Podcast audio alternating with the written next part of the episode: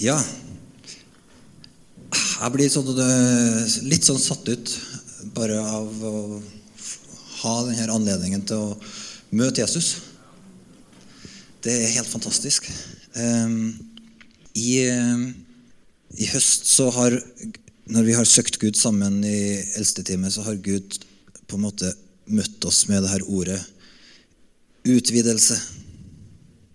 Og så er det ulike aspekter av det her. Og eh, vi hadde jo Elise og Øystein Litleskaret med oss på Menighetsviken. Og de delte et aspekt av det her i forhold til hvordan vi kan være med å eh, berøre nye mennesker i hverdagen vår med Guds godhet og kjærlighet. Og så hadde vi Erlend Indergård innom her en lørdag nå for en måned siden, som var her og delte om bortebane, hjemmebane, nøytral sone. Men eh, hvordan kan vi bevege oss mer i bortebane? Så det som vi gjør i dag, er en del av eh, det fokuset der som Gud taler til oss om. Utvidelse, utvidelse. Jeg har lyst til at vi skal lese sammen fra Lukasevangeliet, kapittel 14. skal vi lese noen vers der, Og så skal vi lese og litt i kapittel 15. Så gjerne ta dere tid til å slå opp hvis dere har mobibler, eller så er det noen bibler bak i hjørnet der òg, eh, for dem som eh, ønsker det.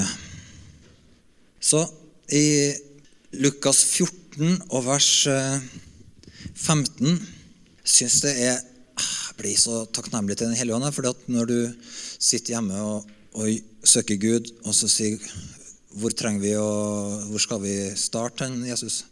i dag, så er det ja, lignelsen om gjestebudet. Åh, ok, Det er fint, Ingrid Elise. så jeg er veldig glad. Men, det, men eh, husker dere det Terje delte om forrige gang, om å være frimodig? Så Veldig fint at Ingrid Elise bl.a. var så frimodig i dag og delte det vi opplever at Gud legger på hjertet. For det hjelper oss til å liksom legge merke til at Den hellige ånd holder på å understreke noen ting for oss. ikke sant? Så frimodighet hjelper oss alle til å høre sammen fra Den hellige ånd. Så her er jo Jesus på party. Og det som er interessant her, det er at han er jo invitert da til et sted Og når du leser Jesus sin undervisning i denne settingen, så merker du at Jesus er litt sånn Denne festen som jeg er invitert på nå, det er litt sånn name-dropping. Fordi at uh, Blant annet så snakker han om hvordan plasserer du deg attmed bordet han underviser om det. Og da skjønner du Ikke sett deg så nærme han som, som inviterer, at uh, du blir bedt om å sette deg lenger ned. så Jesus bare sier 'vær ydmyk'. Det lønner seg. Og så, så hører du litt sånn imellom uh, linjene her da, at uh, det kan hende at Jesus var invitert litt fordi ja, 'Vil du komme på fest med meg?' Ja, Jesus kommer, blant annet. Og så sitter Jesus der, da, og så er det sånn at uh, han sier et ord til verten når du skal ha gjester til middag. Dette er vers 12. da. Eller kveldsmåltid skal du ikke be venner eller søsken eller slektninger eller rike naboer, for de kommer til å be deg igjen, og dermed får du gjengjeld. Nei, når du skal holde selskap, så innby fattige og uføre, lamme og blinde. Da er du lykkelig, for de kan ikke gi deg noe igjen, men du skal få lønn for dette når de rettferdige står opp fra de døde. Så Jesus sier når du arrangerer fest, ikke lag klikk. Mm -hmm. Ikke lag en sånn setting der du inviterer noen, og så inviterer de deg tilbake, og så er det et sånt bytteforhold, og så blir det bare en klikk. Nei, det er ikke hensikten med måltidet, Jesus. Jeg har skapt måltidet for å inkludere nye. Så hver gang du ser et måltid, så kan du tenke det her er en anledning for å inkludere. Er dere med? Og så En av gjestene som hørte det her, sa til han, 'Salige de som får sitte til bords i Guds rike'. Men Jesus sa til en, 'Det var en mann som ville holde et stort gjestebud, og han innbød mange.' Da tida for gjestebudet kom, sendte han tjeneren sin av sted for å si til det innbytte, 'Kom, for nå er alt ferdig.' Men de begynte å unnskylde seg, den ene etter den andre. En sa, 'Jeg har kjøpt et jordstykke og må gå ut og se på det.' Vær så vennlig å ha meg unnskyldt. En annen sa jeg har kjøpt fem par okser og skal ut og prøve dem. Det er bra, vet du, sånn femsylindra oksemotor. Um, og uh, en tredje sa jeg har gifta meg, derfor kan jeg ikke komme. Nygift kan man være i tre år. vet du. Så, sånn er det bare. Tjeneren kom tilbake og fortalte det her til herren sin. Da ble husherren sint og sa til tjeneren.: Gå straks ut på byens gater og torg og hent inn de fattige og uføre og blinde og lamme. Tjeneren kom tilbake og sa, Herre, jeg har gjort som du sa, men det er enda plass. Da sa Herren til tjeneren, gå ut på veiene og stiene og nød folk til å komme inn, så huset mitt kan bli fullt. For det sier jeg, ingen av dem som var innbudt, skal få smake festmåltidet mitt. Så her er det en lignelse som egentlig, da, egentlig Jesus bruker bare for å forklare hvordan er hjertet til Gud. Gud har et hjerte som er på en måte sånn Det er plass til flere. Det er Enda så er det rom. Enda er det plass til flere. Ikke stopp invitasjonen. Ja, men det var noen som ikke tok imot. Nei, men gå videre. Enda er det rom. Hjertet mitt har plass til flere. Kall på mennesker. Så Guds hjerte er et sånt plass til flere-hjerte. Og, og, det er akkurat som om på en måte, lignelsen å si litt sånn Ja, Gud han har et, en enormt stor plass i hjertet sitt. Og så utfordrer Jesus oss på Utvid hjertene deres. Gi plass for flere. Utvid hjertene. Sånn hjerteutvidelse det kan være litt uh, vondt. Fordi at uh, når du strekker noe, så, det, så er det litt vondt. Når du strekker levende ting. Men når det først er strekt, så har det skjedd noe med det. Da er det plass til flere. Dette er veldig rart. Har dere opplevd at du får et nytt menneske? Du tenker på en måte nå er hjertet mitt fullt av mennesker. Og så får du et nytt menneske inn i livet ditt, og så, og så bare merker jeg Nei. Nå er det mennesket òg hjertet mitt. Det har liksom fått en plass der. Så Gud er sånn, og han har skapt oss sånn til at vi kan strekke hjertene våre. Og så kan det litt sånn, være litt krevende. F.eks. hvis Gud sender deg mennesker som da er fattige, uføre, blinde og lam. Det krever noe av oss. Dere er med på det? Så, men vi trenger å la Gud strekke hjertene våre. Kapittel 15 og vers 1. Alle tollerne og synderne holdt seg nær til Jesus for å høre han. Men fariseerne og de skriftlærde murret og sa seg imellom. Denne mannen tar imot syndere og spiser sammen med dem. Da fortalte han dem denne lignelsen. Dersom en av dere eier 100 sauer og mister en av dem, lar han ikke da de 99 være igjen ute i ødemarken og leter etter den som er kommet bort, til han finner den. Og når han har funnet den, blir han glad og legger den på skuldrene sine. Straks han kommer hjem, kaller han sammen venner og naboer og sier til dem:" Gled dere med meg, for jeg har funnet igjen den sauen som var kommet bort. Jeg sier dere, På samme måte blir det større glede i himmelen over én synder som vender om, enn over 99 rettferdige som ikke trenger omvendelse. Eller om en kvinne har ti sølvmynter og mister en, tenner hun ikke da en lampe og feier i hele huset og leter nøye til hun finner den? Og når hun har funnet den, kaller hun sammen venninner og nabokoner og sier, Gled dere med meg, for jeg har funnet igjen det pengestykket jeg hadde mistet. På samme måte, sier jeg dere, blir det glede blant Guds engler over én synder som vender om. Så Jesus han forteller da i møte med kritikken om at han brukte tid med feil folk, så forteller han da to sånne enkle lignelser. Og så kommer det en tredje her, men den skal vi ikke lese i dag. Men den er kjent for mange, og det er lignelsen om de to sønnene og som eh, hadde en pappa og som begge gikk glipp av denne sannheten om at de hørte hos far, og at han var for dem. Og så er det en av dem som roter seg skikkelig bort, og en annen en som roter seg bort i sine egne følelser. Begge to mister forholdet til far, og så ser vi at faren lengter etter å få begge to hjem til seg og inn i festen. Men to lignelser. En om en som hadde 100 sauer, og så mista én. Og en om ei dame som hadde ti sølvpenger og mista én. Og så I begge lignelsene så er utgangspunktet at du hører egentlig til et sted. Evangeliet er sånn Gud har forsona deg med seg sjøl i Kristus. La deg bli forsont med Gud. Det Jesus har gjort, det er gyldig for deg. Ta imot innbydelsen.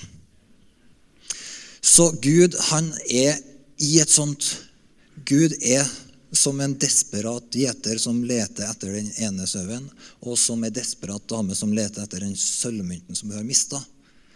Han er liksom på leit. Sånn er Gud. Gud er gjestfri. Det vil si, han sier 'kom til meg', men Gud stopper ikke der. Han er òg oppsøkende og leter og går ut og forlater de 99. Så når Gud utvider hjertene våre, så er det i begge de områdene. Han utvider hjertene våre i, i å åpne opp livet vårt og si 'Kom inn. Jeg har plass til deg i livet mitt. Du er velkommen.' Det er plass til flere her.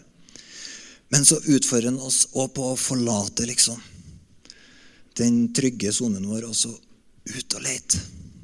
Ut og finne. Ut og oppsøke. Det som er umistelig for Gud, som har skapt hvert eneste menneske, som har elska hvert eneste menneske, og som har forsont hvert eneste menneske i Kristus Jesus. Amen. Eh, de her lignelsene de er ganske sånn sjølforklarende. Men fordi at veldig ofte så vil vi ha ei preik som er litt sånn avansert. Så du kan få sju punkter i notisblokka di. Sju steg til et utvida hjerte og større gjennombrudd i evangelisering. Men Jesus han gir oss ikke sju sånne kule punkter for notisblokka. Han gir oss i dette tilfellet nå da tre eller fire veldig, veldig enkle lignelser. Som er ment til å leses igjen og igjen og til å snakkes om og tenkes på, sånn at de kan være som en slags sånn hjerteforandrende greie. Som skaper forandring i oss. Så av og til er det de enkleste sannhetene som skaper den største forandringa. Så hvis vi tar imot lignelsen om gjestebudet og utvider hjerterommet vårt til å ta imot flere mennesker i livet vårt, og vi tar imot lignelsen om sauen som ble mista, og sølvmynten, på en sånn måte at vi blir oppsøkende mennesker som leter aktivt hvis det får arbeid i oss, så har det kraft i seg til å skape en enorm forandring imellom oss. Så jeg har lyst til å bare jeg hadde lyst til å lese de her eh, lignelsene, og så har jeg lyst til å sende dem med dere hjem og si les på dem. Kanskje sette et pling på telefonen din og bare tenk Ikke tenk at liksom du skal lese dem og prøve å forstå dem sånn, men les dem og si la det ordet her prege meg. La, bli, jeg vil bli prega av han som holder på å innby til fest. Jeg vil bli sånn som han. Jeg vil bli prega av hyrden som leter etter sauen. La det her ordet berøre deg, la det utfordre deg. La det uh, gjøre at du begynner å be på en annen måte, at du begynner å se på en annen måte. Skal vi gjøre det? La ordet forandre oss. Så det som er på en måte hjertet vårt her nå, da, det er at ok, Gud utvider oss, og vi tar imot ordet fra Han og så ønsker vi å være med på det han gjør. Er dere med? Så Det som er veldig gøy i dag, da, det er at i dag så er det en sånn anledning for utvidelse. Og vi har invitert opp et fantastisk eh, team fra Oslo. Og det er vi kjempetakknemlige for at de har kommet opp. For egen maskin og flyvemaskin og forskjellige ting. Helt opp til Trondheim, til denne vakre byen.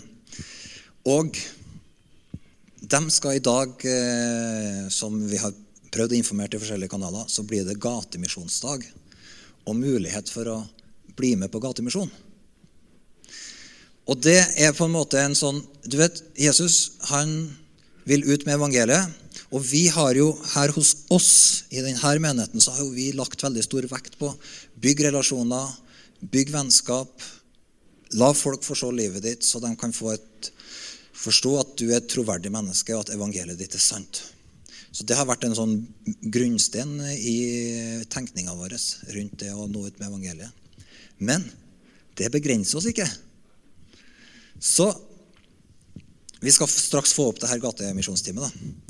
Men eh, i, i Markusevangeliet, i kapittel 16, så står det om forskjellige folk som møtte Jesus etter oppstandelsen. Og den første ifølge Markus som møter Jesus, det er Maria Magdalena.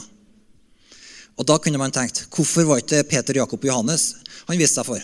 Alle visste jo at det de sa, det hadde stor verdi. For det som skjer nemlig når Maria Magdalena begynner å fortelle om at Jesus har møtt henne etter at han sto opp fra de døde, det er ingen som tror på henne. Og ingen som trodde på henne. Kjipt. Og du tenker ok, Jesus, hvorfor valgte du å møte Maria Magdalena? Hvorfor kunne du ha valgt å møte en som folk trodde på? Så de elleve disiplene, når de fikk høre evangeliet bli forkynt, så tok de ikke imot det. De trodde ikke på det.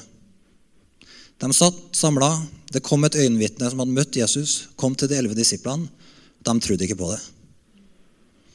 Hvem var det Jesus ga misjonsbefalinga til? Elleve stykker som ikke trodde på evangeliet. Så først viste han seg altså for Maria Magdalena, og hun var det første vitnet av alle. Ingen trodde på Ingen trodde på hun. Og så kommer det elleve stykker som kanskje hadde litt større troverdighet rundt seg, men de trodde ikke på evangeliet. For et elendig utgangspunkt. Så hvis du tenker om deg sjøl nei, men jeg er ikke egna til å være en sånt vitne for Jesus Ingen som tror på meg. Eller jeg har jo ikke så mye tro at jeg kan gå ut på gata. Og så kan du bare tenke på det at Her var det noen elleve stykker som fikk en beskjed fra en av sine beste venner om at jeg har møtt Jesus, han har stått opp. De trodde heller ikke. Men de ble kalt av Jesus. Hele den gjengen der ble kalt. Så hvis de ble kalt, så kan du være kalt. Er dere med? Men det her er ikke en sånn eh, preke om at jeg skal prøve å pushe deg til noe, men, eh, men det er godt å utfordre seg sjøl litt av og til. Og komme litt ut av det komfortable.